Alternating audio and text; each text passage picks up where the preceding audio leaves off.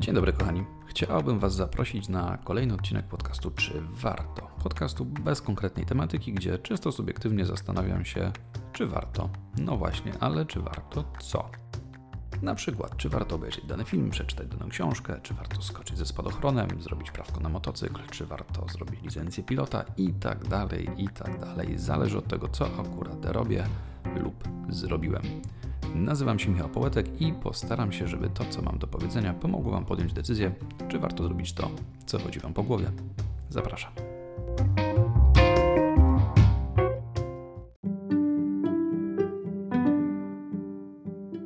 Merhaba, reportaże z tomu Zabójca z miasta Moreli i osobisty słownik turecko-polski pana Witolda Szabłowskiego.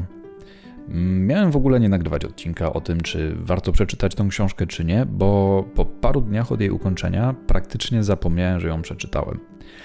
Ale kiedy to do mnie właśnie dotarło, to sobie uświadomiłem, że hej, tym bardziej wpisuje się ta książka w założenie mojego podcastu. Po prostu będzie to prawdopodobnie najkrótszy z dotychczasowych odcinków i pierwsze książkowe nie warto na mojej liście co pewnie jest dla większości zaskakujące, bo książka opinie i oceny ma wysokie. Pozwólcie mi się zatem wytłumaczyć. Żeby nie było, to nie jest zła książka. I autor ma dar do pisania, tego też mu nie można odmówić. Mm, już od pierwszych stron czułem się tak, jakby mi te wszystkie historie opowiadał dobry kumpel gdzieś w pubie przy piwie. A nie jest łatwo osiągnąć taki efekt, posługując się wyłącznie słowem pisanym. I za to szacunek dla autora, bo czytając nie nudziłem się nawet przez minutę. Sęk w tym, że dla mnie to trochę za mało, żeby docenić reportaż. Książka, przynajmniej dla mnie, ta książka jest zbyt powierzchowna.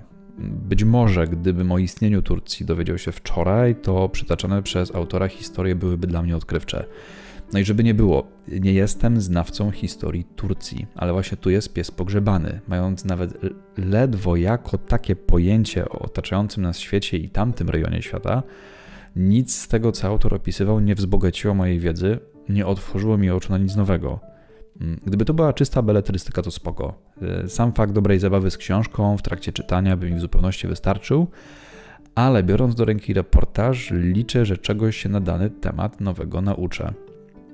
Mm, jest sobie taki pan Kamil Kozioł i pan Kamil Kozioł podczas swojego wystąpienia na TEDx Talks pod tytułem Jak nie robić prezentacji, które mogłyby być mailem, powiedział, że dobrą prezentację mierzy się w achach, nie mylić z heheszkami. Chodzi o ten moment, kiedy dowiadujesz się czegoś nowego i robisz aha, aha. I myślę, że spokojnie mogę tą metodę pomiarową przełożyć na reportaże. No i Merhaba, pana Szabowskiego, miała całkiem sporo heheszków, ale z mojej perspektywy trochę za mało achów, by mógł ją do końca docenić i pochwalić i polecić. Mm, koniec końców nie kupiłem też samej struktury książki. Mm, wiem, że taki był zamysł autora, ale do mnie to nie trafiło. Jak sam tytuł wskazuje, jest to jego osobisty słownik turecko-polski i każda kolejna litera otwiera kolejny wątek. E, przez to dostajemy dużo wątków, ale mało pogłębionych albo po prostu za mało pogłębione dla mnie. Biorąc pod uwagę lekkie pióro autora i jego zdolności do obserwacji, to na bank każdy z poruszanych przez niego tematów mógłby zamienić spokojnie w oddzielny, głęboki reportaż, no ale wtedy byłaby to zupełnie inna książka. I coś czuję, że pewnie też dużo mniej popularna. E, konkludując, mm, chyba po prostu nie jestem w targecie autora.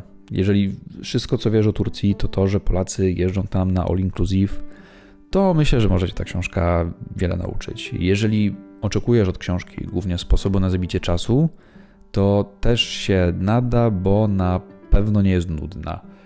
Jeżeli kochasz Turcję i wchłoniesz wszystko na jej temat, to też śmiało łap za, za tą pozycję. Ale jeżeli choć trochę orientujesz się w tym, co się dzieje w naszej stosunkowo bliskiej okolicy i liznąłeś co nieco na temat e, historii polsko-tureckiej czy turecko-polskiej, to myślę, że po lekturze Merhaba, osobisty słownik turecko-polski, mm, będziesz rozczarowany i podobnie jak ja po kilku dniach zapomnij, że ją czytałeś. No, to tyle faktycznie w sumie. Dużo przemyśleń nie miałem, więc tu stawiam kropkę. Dzięki za uwagę i do kolejnego.